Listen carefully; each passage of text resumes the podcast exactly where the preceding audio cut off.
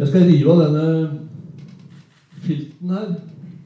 Og herved erklære Norsk Kokebokmuseum for åpnet.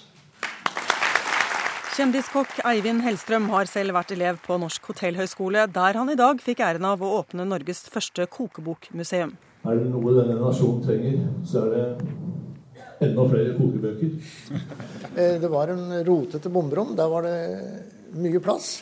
Førstelektor Helge Jørgensen viser fram kokeboksamlingen, som består av ca. 5000 titler, beregnet på studenter, matbransjefolk og matentusiaster. Og det er jo fint å holde i disse, da. Jeg syns jo det å vite å holde i dette, det er kultur. Altså, Sånn som nå, så har vi en liten bok som ligger her borte, som er fra ja, Opprinnelig er, er en dansk, men den er fra 1616. Men den er trykket opp i senere tid. Men, men oppskriftene ligger jo her. Her er rapphøns osv. Slik at det er veldig mange gode, gamle oppskrifter. Museet, som også er bibliotek, har alt fra gamle klassikere, som husmorbøkene til Hanna Vinsnes og Henriette Skjønberg Erken, til moderne kjendiskokebøker og matbransjelitteratur. Gastronomisk institutt og Måltidets hus i Stavanger har bøkene sine her. Og her er også samlingen fra det nedlagte hermetikklaboratoriet i byen. Ønsket mitt og vårt er jo at dette er første delen til at vi skal lage et eh, forsknings- og opplevelsessenter her nede i underetasjen. Vi har de gamle kokebøkene her. Her kan vi finne en oppskrift. Så kan vi eh, f.eks. gå opp på Den botaniske hage, plukke krydder. Kan vi ta oppskriften og lage det nede på kjøkkenet her, tilberede det der, og så kan vi servere det inn i den restaurantlaboratoriet som vi har ved siden. Kjempeidé. Hele Norges matmor, Ingrid Espelid Hovig, er museets gudmor. Kokebøker vil fortsatt leve i bokform. Hva er den første kokeboka du hadde? Det var ei kokebok fra Haugesund kommunale husmorskole. Så den, den fikk jeg når jeg gikk på husmorskolen i 1943. Bruker du den ennå? Å ja!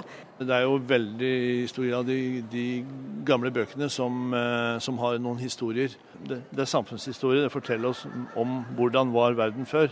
Sier Eivind Hellstrøm, som også er glad for museet. Det er jo fantastisk, og det var på høy tid. En ting er at det minner oss om at eh, i hvert fall de gamle litterære verkene, at det har levet genier før, før oss. Det andre er at bøkene vil aldri dø. Man får ikke den samme gleden og tilfredsstillelsen eh, når man går inn på en PC og uh, leser en oppskrift, for da den oppskriften forsvinner inn i uh, den uh, elektroniske verden igjen. Og Det har jo gått fra å være et overklassefenomen med, hvor man skulle lære seg å tilberede fasaner, til å bli opplysning og informasjon og kulturkunnskap for alle. Så det har skjedd en demokratiseringsprosess for kokeboka, og derfor lever den på det beste og kommer til å leve i veldig mange, mange år, tror jeg. Kommer det noen flere bøker fra dere to sammen, forresten? ja, selvfølgelig gjør det det eh, til neste år. Et fantastisk samarbeid nok en gang. Og da må det jo bli en bok om eh, jule, julematen. Det er jo bare så gøy å lage julemat, og jeg gleder meg. Reporter i Stavanger, det var som vanlig Anette Johansen Espeland. Henry Notaker, journalist og forfatter, velkommen til Kulturnytt. Takk. De som følger med på hva vi sender her i dette programmet, har fått med seg at du nylig har gitt ut boken 'Kokebokens historie'. Holdt sammen med det vi nå har fått uh, høre om et museum over kokeboken også. Betyr det at den, om ikke er død, så i hvert fall ved livets ende? Jeg tror at når man snakker om kokebøkenes død, så henger det sammen med om man er ved bøkenes død totalt. Men eh, jeg syns det er noe som er viktig, og som kom fram i denne reportasjen som vi hørte på nå. Det er at uh, dette ikke er et museum i den betydningen at du stiller ut en del ting som ble brukt før, og som ikke kan brukes nå. Og For det første så går det jo an å bruke eh, oppskrifter fra disse gamle bøkene. Jeg har selv brukt en oppskrift som er 800 år gammel, med stort hell.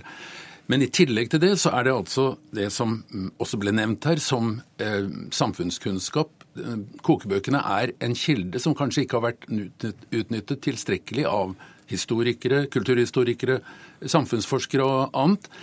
Og I tillegg så er det jo, må jeg si, fordi jeg har skrevet denne boken om den gastronomiske eh, litteraturens historie, så er dette en form for litteratur. Og jeg syns at det at det er blitt et slikt sentrum, det peker nettopp på dette at den litteraturen er oppvurdert på samme måte som sakprosa og faglitteratur generelt har fått en plass eh, ikke så langt nede på bunnen i forhold til den skjønnlitterære eh, litteraturen. Hva er eh, kokebokens fremste fiende? Er det tidsklemma, eller er det nye medier? Jeg tror at eh, det er både venner og fiender. fordi at når det gjelder selve bøkene, må vi huske at de også er i ferd med å få en annen funksjon, sånn det ser ut. Selv om folk nå går og finner på nettet og andre steder finner oppskrifter når de står overfor matlagingen og finner ut at nå mangler vi en ingrediens, kanskje det er et forslag på nettet nå. Men vi også huske at de fortsatt gir finere og finere bøker i gaver, sånn at bøkene mer og mer har fått en funksjon som en gave til det det heter, folk som har alt. Så eh, jeg tror at eh, de nok kommer til å leve videre, delvis pga. denne gavefunksjonen, og delvis fordi man rent statistisk vet at etter at man fikk de store bildene i kokebøkene, så er det blitt behagelig å sitte og bla i en kokebok og se på. På samme måte som noen blar kanskje i en reisebok med bilder, selv om de ikke har tenkt å reise det stedet med en gang, så har de lyst til å se og oppleve noe av det som de får gjennom bildene i bøkene. Men, spiller det noe strengt tatt noen rolle? Nå vet jeg at du har stått og holdt en oppskrift, 3500 år gammel oppskrift i hånda, uten å, uten å knuse den, for det var på en steintavle. Eh, har det egentlig noe å si om det er skrevet på, i stein eller i, i, på en papyrusrull, eller om det er i en bok, eller om det er på nettet? I praksis ikke, fordi eh, jeg leser eh, International Herald Tribune på en liten Kindle om morgenen, og gjør antagelig samme nytten som den gangen jeg satt og bladde store broadsheets. Jeg vil si for det første at en del av de gamle kokebøkene er uhyre vakre. Selv før fotografiets tid så er det tresnitt og det er eh, graveringer av ulike slag som gjør bøkene vakre. Men Eh, jeg tror fortsatt at uansett hvordan de da skal brukes, så er det innholdet, og jeg refererer til dette med at dette er en form for litteratur. Og jeg tenker som sånn at det som er verdifullt med kokebøkene, er en type fortelling som kommer fram i veldig mange av dem. Og man kan si Alexander Dumas. Hva er forskjellen på fortellingene hans i De tre musketere og Greven av Monte Cristo og fortellingene som også er der i hans store, eh, riktignok veldig fantasifulle kokebok. Så eh, selve teksten, enten den framstår på papir eller på andre måter, den tror jeg vil komme til å leve veldig mye lenger enn en del annen type litteratur. Fordi?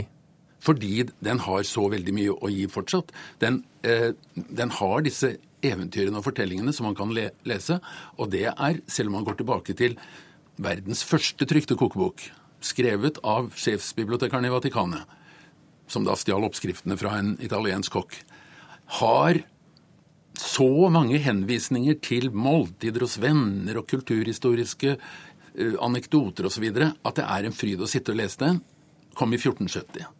Så, så lenge det er underholdning, så vil kokeboken overleve? Ja, selv om du ikke da vil bruke oppskriftene. Han, han, underholdningen der ligger jo at hvis du skal lage denne retten, så lag den til dine fiender, for den er ikke noe å by på.